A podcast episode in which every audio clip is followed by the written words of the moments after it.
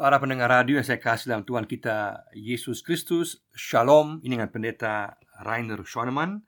Pada saat ini kita bersama-sama akan merenungkan tema Pilihan yang tepat dalam hidup. Pilihan yang tepat dalam hidup. Kita membaca dari Matius pasal 7 ayat 13 dan 14 Matius pasal 7 ayat 13 dan 14 Yesus berkata Masuklah melalui pintu yang sesak itu, karena lebarlah pintu dan luaslah jalan yang menuju kepada kebinasaan, dan banyak orang yang masuk melaluinya. Karena sesaklah pintu dan sempitlah jalan yang menuju kepada kehidupan, dan sedikit orang yang mendapatinya. Dalam khotbah di bukit dalam Matius pasal 5 sampai 7 Yesus menjelaskan tentang tema utama yaitu kerajaan Allah atau kerajaan surga. Dia menjelaskan mengenai dirinya sendiri sebagai pembawa daripada kerajaan surga dan sekaligus juga mengenai norma-norma kehidupan yang berlaku dalam kerajaan surga. Dan sekarang di bagian ini dalam pasal 7 bagian akhir ini Yesus memberikan beberapa kesimpulan yang sangat penting dan sekaligus ada panggilan, ada tuntutan yang Yesus berikan kepada setiap pendengarnya, pada setiap pembacanya di masa kini. Ada empat gambaran dan juga yang dipakai Yesus untuk memberikan empat peringatan, yaitu ada dua jalan, ada dua pohon, ada dua pengakuan, dan dua rumah yang berbeda. Dua jalan yang berbeda, dua pohon yang berbeda, dua pengakuan yang berbeda, dan juga dua rumah yang berbeda. Dan di sini sangat jelas bahwa pada saat kita mengambil keputusan untuk sungguh-sungguh mengikuti Yesus, maka kita akan masuk dalam kerajaan sorga, akan ambil bagian dalam kehidupan kekal dalam kerajaan Allah bersama-sama dengan Tuhan. Yesus kekal selamanya. Dan pilihan ini, tuntutan pilihan yang diberikan Yesus di sini adalah sesuai juga dengan perjanjian lama. Karena kalau kita baca dalam Yosua pasal 24 ayat 15, Yosua juga memberikan pilihan kepada bangsa Israel. Apakah mereka mau memilih Tuhan atau memilih ilah-ilah yang lain? Tapi Yosua dengan jelas mengatakan aku dan seisi rumahku akan mengikut Allah Yahweh. Kita mau mengikut Tuhan Allah Yahweh. Juga dalam Yeremia pasal 21 ayat 8 diberikan juga sebuah pilihan yang keras dan tegas kepada bangsa Israel yaitu tetapi kepada bangsa ini haruslah kau katakan Beginilah firman Tuhan, sesungguhnya aku menghadapkan kepada kamu jalan kehidupan dan jalan kematian. Ada pilihan yang harus diambil, jalan kehidupan atau jalan kematian. Dan sesuai dengan tema kita, pilihan yang tepat dalam hidup. Maka dalam bagian di sini dalam Matius pasal 7 ayat 13 tentang dua jalan ditekankan ada empat gambaran metafora di sini. Ada empat gambaran metafora di sini. Ada dua pintu, ada dua jalan, juga dua kelompok orang, dan juga dua tujuan akhir. Dan semua ini menggambarkan bagaimana setiap kita harus mengambil satu keputusan. Karena pada saat kita lahir, kita sudah ada dalam jalan yang lebar. Pada saat kita lahir, kita lahir dalam dosa dan kita dipanggil untuk mengambil keputusan apakah kita mau memasuki pintu, yaitu pintu keselamatan melalui Yesus, dan juga mengikuti jalan keselamatan dalam Yesus, dan kemudian mengikuti orang yang sedikit, yaitu mereka yang sungguh-sungguh menuruti perintah Yesus, dan kemudian mencapai tujuan akhir, yaitu kehidupan yang kekal. Di sini gambaran yang diberikan adalah gambaran yang sangat umum pada waktu itu karena ada banyak pintu gerbang yang besar pada waktu itu di kota-kota besar di Israel dan juga ada pintu-pintu yang kecil di mana hanya satu orang yang pas-pasan bisa masuk ke dalamnya. Dan juga ada jalan yang lebar yang menghubungkan kota-kota yang lebih besar dan juga ada jalan-jalan yang kecil, jalan setapak di mana hanya ada satu orang yang bisa berjalan masing-masing dan satu orang di belakangnya sehingga tidak pas untuk dua orang, hanya satu orang yang bisa mengikuti jalan tersebut. Jalan yang sempit, jalan yang sulit. Gambaran yang umum pada waktu itu. Kita akan melihat di sini ada empat metafora atau gambaran yang Yesus berikan yang merupakan sebuah kontras atau perbandingan antara mereka yang mengikut Tuhan dan mereka yang melawan Tuhan, mereka yang adalah bagian dalam kerajaan sorga dan mereka yang menentang dan kemudian terisolasi atau dikucilkan dari kerajaan sorga. Yang pertama adalah ada dua pintu. Dua pintu yaitu ada pintu gerbang yang besar dan pintu gerbang yang kecil.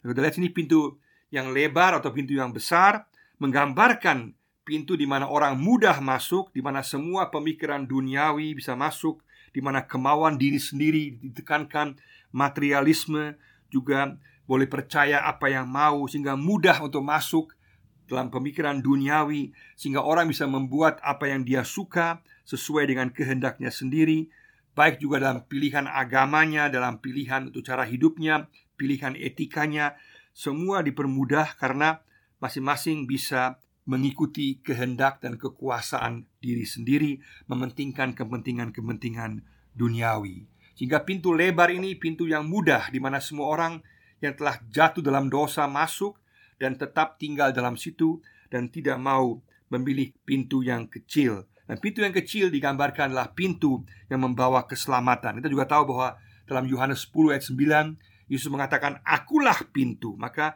Yesuslah pintu yang membawa keselamatan bagi tiap orang. Dan pintu yang kecil ini, pintu yang sempit ini menggambarkan bagaimana seseorang harus merendahkan diri di hadapan Tuhan, harus bersedia untuk merendahkan diri di hadapan Tuhan, mengakui dosanya, bersedia untuk melepaskan semua bebannya, bersedia untuk menanggalkan semua pemikiran diri sendiri, pemikiran duniawinya, dan juga melepaskan semua beban yang mengikat dirinya dan juga bersedia untuk mengikut Yesus, maka dia bisa masuk ke dalam pintu yang sempit itu. Dan bahkan pintu yang sempit tidak mudah, karena sekaligus juga berarti kita masuk dalam satu keputusan untuk mengikuti Yesus yang juga bisa berarti bahwa kita akan kehilangan keluarga kita. Kita mungkin juga kehilangan posisi kita. Kita mungkin juga kehilangan berbagai jabatan bahkan juga hal yang bersifat duniawi yang harus kita tanggalkan kalau kita mau mengikuti Yesus. Tidak selalu, tapi bisa terjadi bahwa karena kita memilih pintu yang sempit, maka kita kemudian mendapatkan tantangan, kesulitan, dan tidak mendapatkan pengakuan duniawi yang seperti orang lain yang memasuki pintu yang lebar yang tidak memikirkan apa-apa. Maka kita semua dipanggil untuk sungguh-sungguh memasuki pintu yang sempit ini. Jadi sekaligus Yesus juga katakan dalam Yohanes 10 ayat 9 bahwa pintunya sempit ini bahwa dialah pintu dan pintu itu membawa juga berkat, membawa keselamatan sehingga kita tidak merasa rugi meskipun kita mengalami berbagai kesulitan dan tantangan dalam kehidupan. Maka pertanyaan bagi kita semua adalah sejauh mana kita sungguh-sungguh berada atau masuk melalui pintu yang sempit ataukah kita lebih suka masuk di pintu yang lebar mengikuti kehendak kita sendiri. Sejauh mana kita berada dan telah masuk melalui pintu yang sempit, melalui pintu keselamatan dalam Yesus Kristus. Karena kebanyakan orang memilih pintu yang lebar. Kita dipanggil untuk mengambil keputusan untuk memasuki pintu yang sempit lewat Yesus Kristus yaitu pintu Yohanes 10 ayat 9 kita mendapatkan keselamatan dan juga berkat dari Tuhan. Mari sama-sama kita evaluasi diri kita masing-masing di hadapan Tuhan. Di mana kita sekarang sedang berada.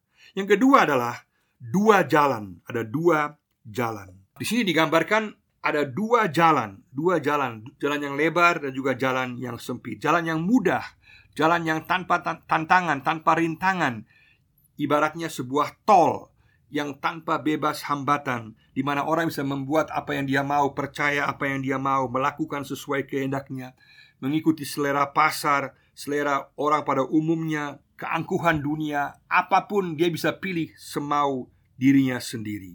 Padahal kita tahu bahwa dalam Alkitab sangat jelas bahwa bukan demokrasi, bukan demokrasi yang menentukan kebenaran tetapi firman Tuhan yang menentukan kebenaran. Kita membaca dalam Roma 3 ayat 4 bahwa sangat jelas Tuhan katakan bahwa Tuhan benar dan manusia adalah pendusta. Tuhan benar dan manusia adalah pendusta. Bukan demokrasi secara mutlak yang menentukan kebenaran, tapi firman Tuhan yang menentukan. Maka bagi kita pertanyaan adalah sejauh mana kita mau mengikuti kehendak Tuhan atau kita mengikuti pemahaman manusia secara umum yang dikuasai oleh pemikiran duniawi. Sekali lagi, bukan pemikiran duniawi, kehendak umum yang menjadi patokan kebenaran, tetapi firman Tuhan. Kalau kita lihat grup rock masa lalu yang sangat terkenal yaitu ACDC Mereka pernah buat lagu yang namanya Highway to Hell Jalan tol menuju neraka. Mereka tekankan di sana dalam lagu mereka Bahwa dalam kehidupan saya dikatakan Tidak ada tanda berhenti atau stop. Saya tidak bertanya Saya berbuat apa yang saya mau. Biarkan saya sendiri. Saya mau melakukan apa yang saya kehendaki Dalam jalan yang aku pilih sendiri. Dan kau iblis Aku membayar kamu di mana aku berhutang kepada engkau. Perjalanan selalu menuju ke bawah, yaitu menuju kepada tol, menuju neraka. Sungguh-sungguh satu pengakuan yang jujur tapi sangat menyedihkan bahwa banyak orang yang menentang Tuhan Yesus sedang dalam perjalanan menuju pada neraka tidak mau mengikuti kehendak Tuhan, mau mengikuti kehendak mereka sendiri. Sungguh-sungguh menyedihkan. Pertanyaan bagi kita adalah Apakah kita sedang berada dalam jalan tol, jalan yang lebar, jalan yang menentang Tuhan, yang menuju pada kebinasaan, ataukah kita sungguh-sungguh berada dalam jalan yang sempit?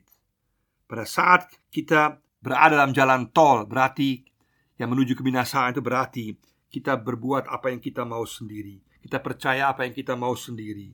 Kita tidak mau dan menganggap tidak perlu ada pembaharuan. Kita menganggap kita bebas, bisa berbuat apa yang kita mau. Kita toleransi dan kita terbuka.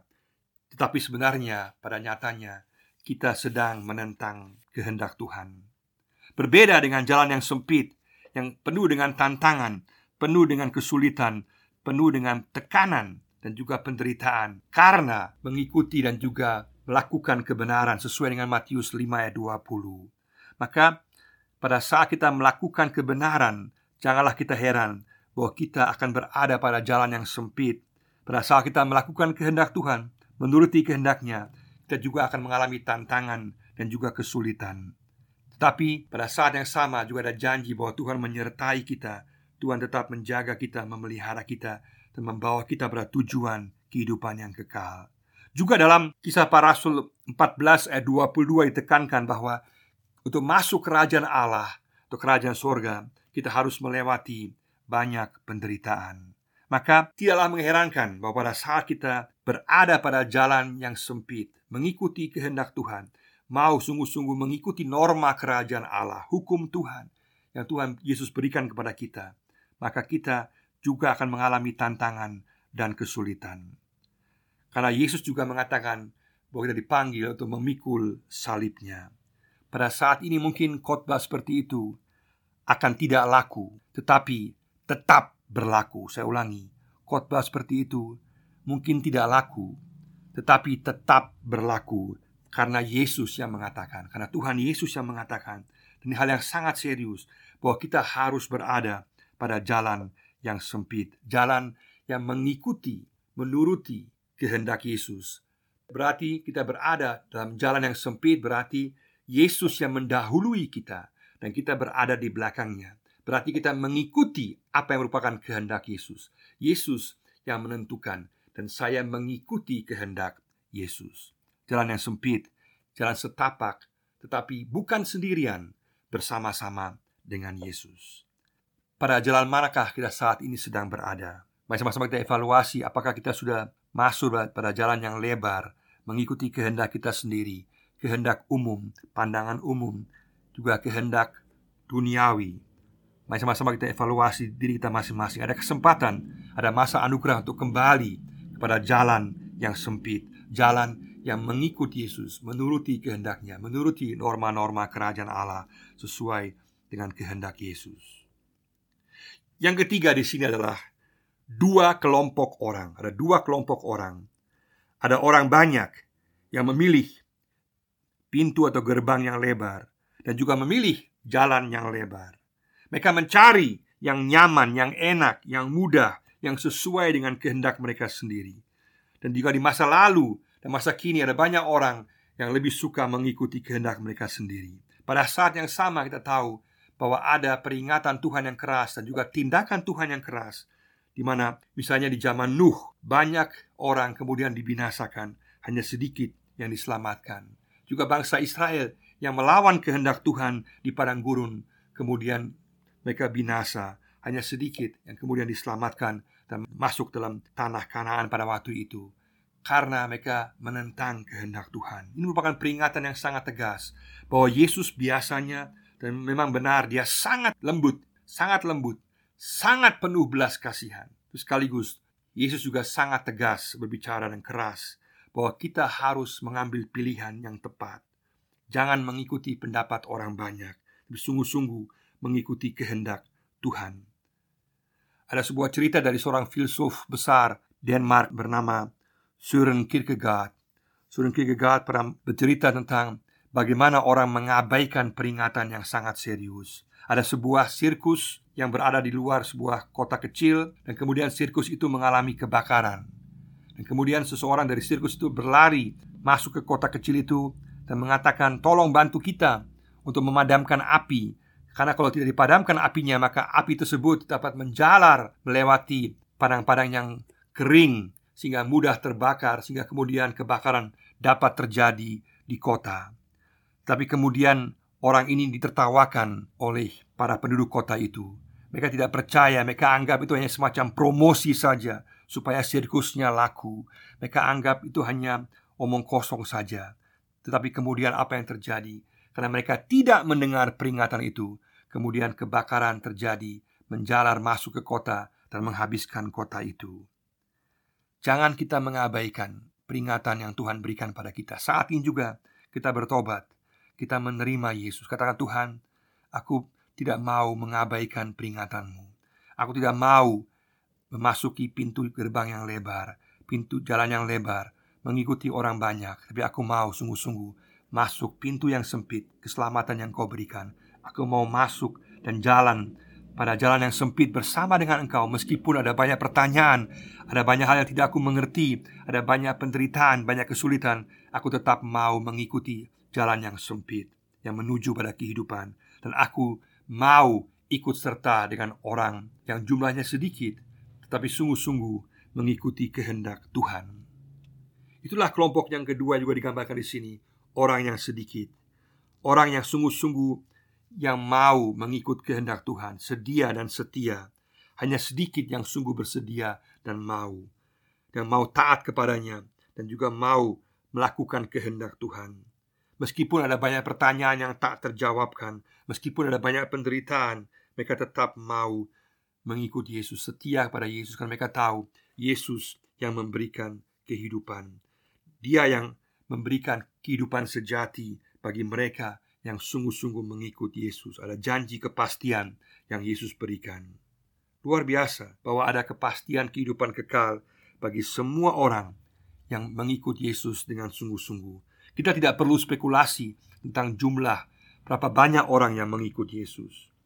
Yang pasti lebih banyak orang yang menentang Yesus dan lebih sedikit orang yang mengikut Yesus. Tugas kita adalah memperingatkan mereka yang banyak ini, mengajak mereka untuk masuk pintu gerbang yang sempit, masuk pada jalan yang sempit, dan mengikut Yesus sehingga memperoleh kehidupan kekal, keselamatan yang kekal.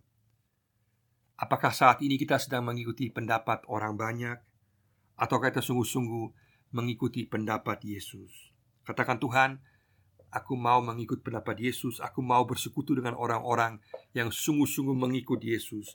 Aku tidak mau terjebak dengan pandangan mayoritas, pandangan umum yang duniawi yang menentang kehendak Tuhan. Yang keempat, yang terakhir, dua tujuan akhir. Dua tujuan akhir. Sini digambarkan dua tujuan akhir. Pertama adalah kebinasaan. Kebinasaan bagi mereka yang memilih pintu gerbang yang lebar, yang memilih jalan yang lebar, yang memilih untuk ikut orang banyak. Kata-kata keras Yesus di sini adalah dari mulut Yesus yang biasanya lembut, penuh kasih, penuh belas kasihan, dan mau rindu agar setiap orang diselamatkan dan, dapat bersekutu kekal bersamanya dalam kerajaan sorga. Tapi sekaligus Yesus yang lembut juga bicara keras dan tegas Sehingga bagi mereka yang menolak Yesus, menolak ajarannya, menolak pribadinya Mereka juga akan ditolak untuk masuk kerajaan sorga Mari sama-sama kita membuat pilihan yang tepat Jangan kita memilih kebinasaan Jangan sampai kita terjebak dengan kebinasaan dan memilih untuk mau memperoleh kehidupan. Dan yang kedua, Selain kebinasaan, ada pilihan yang kedua yaitu kehidupan. Kehidupan yaitu masuk kerajaan sorga, hidup dalam persekutuan kekal dengan Yesus.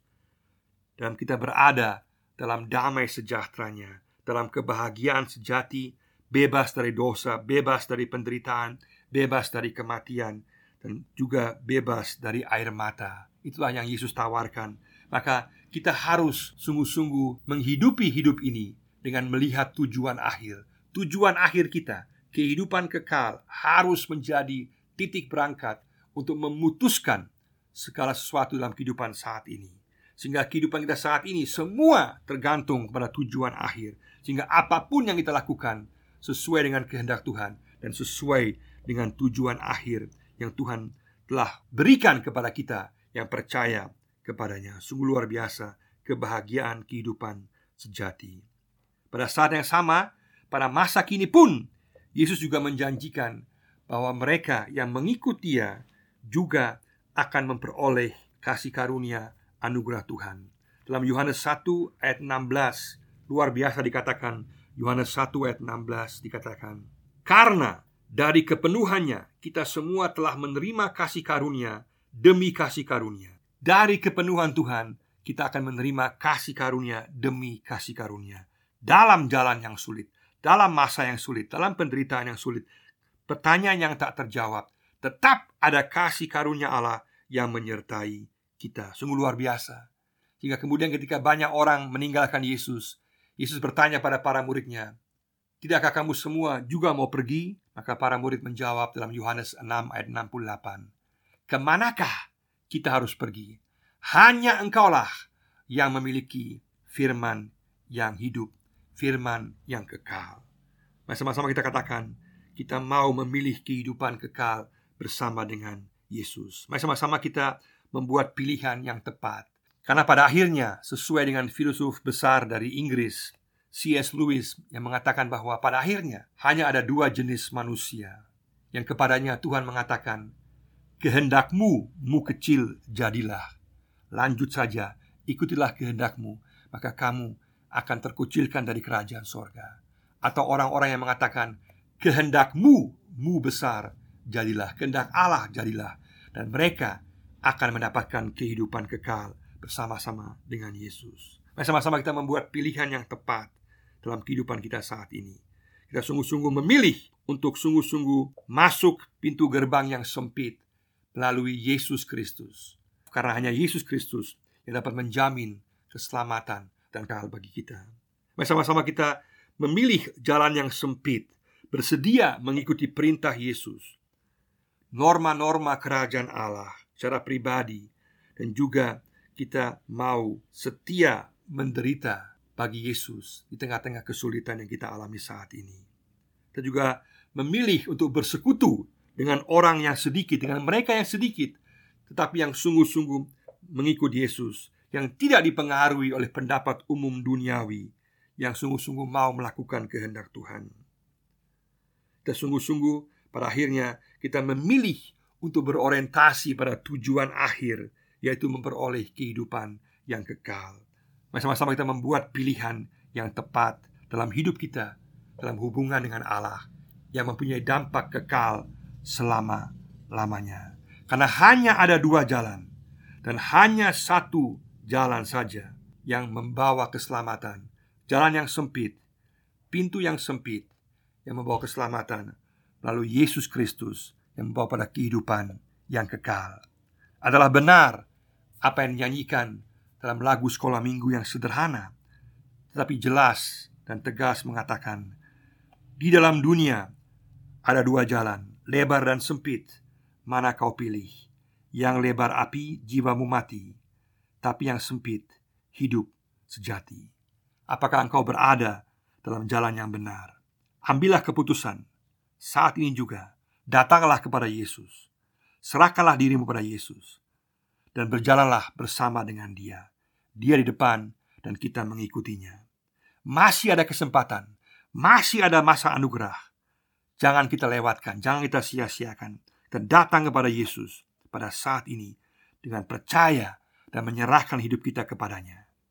Tuhan memberkati kita sekalian. Amin.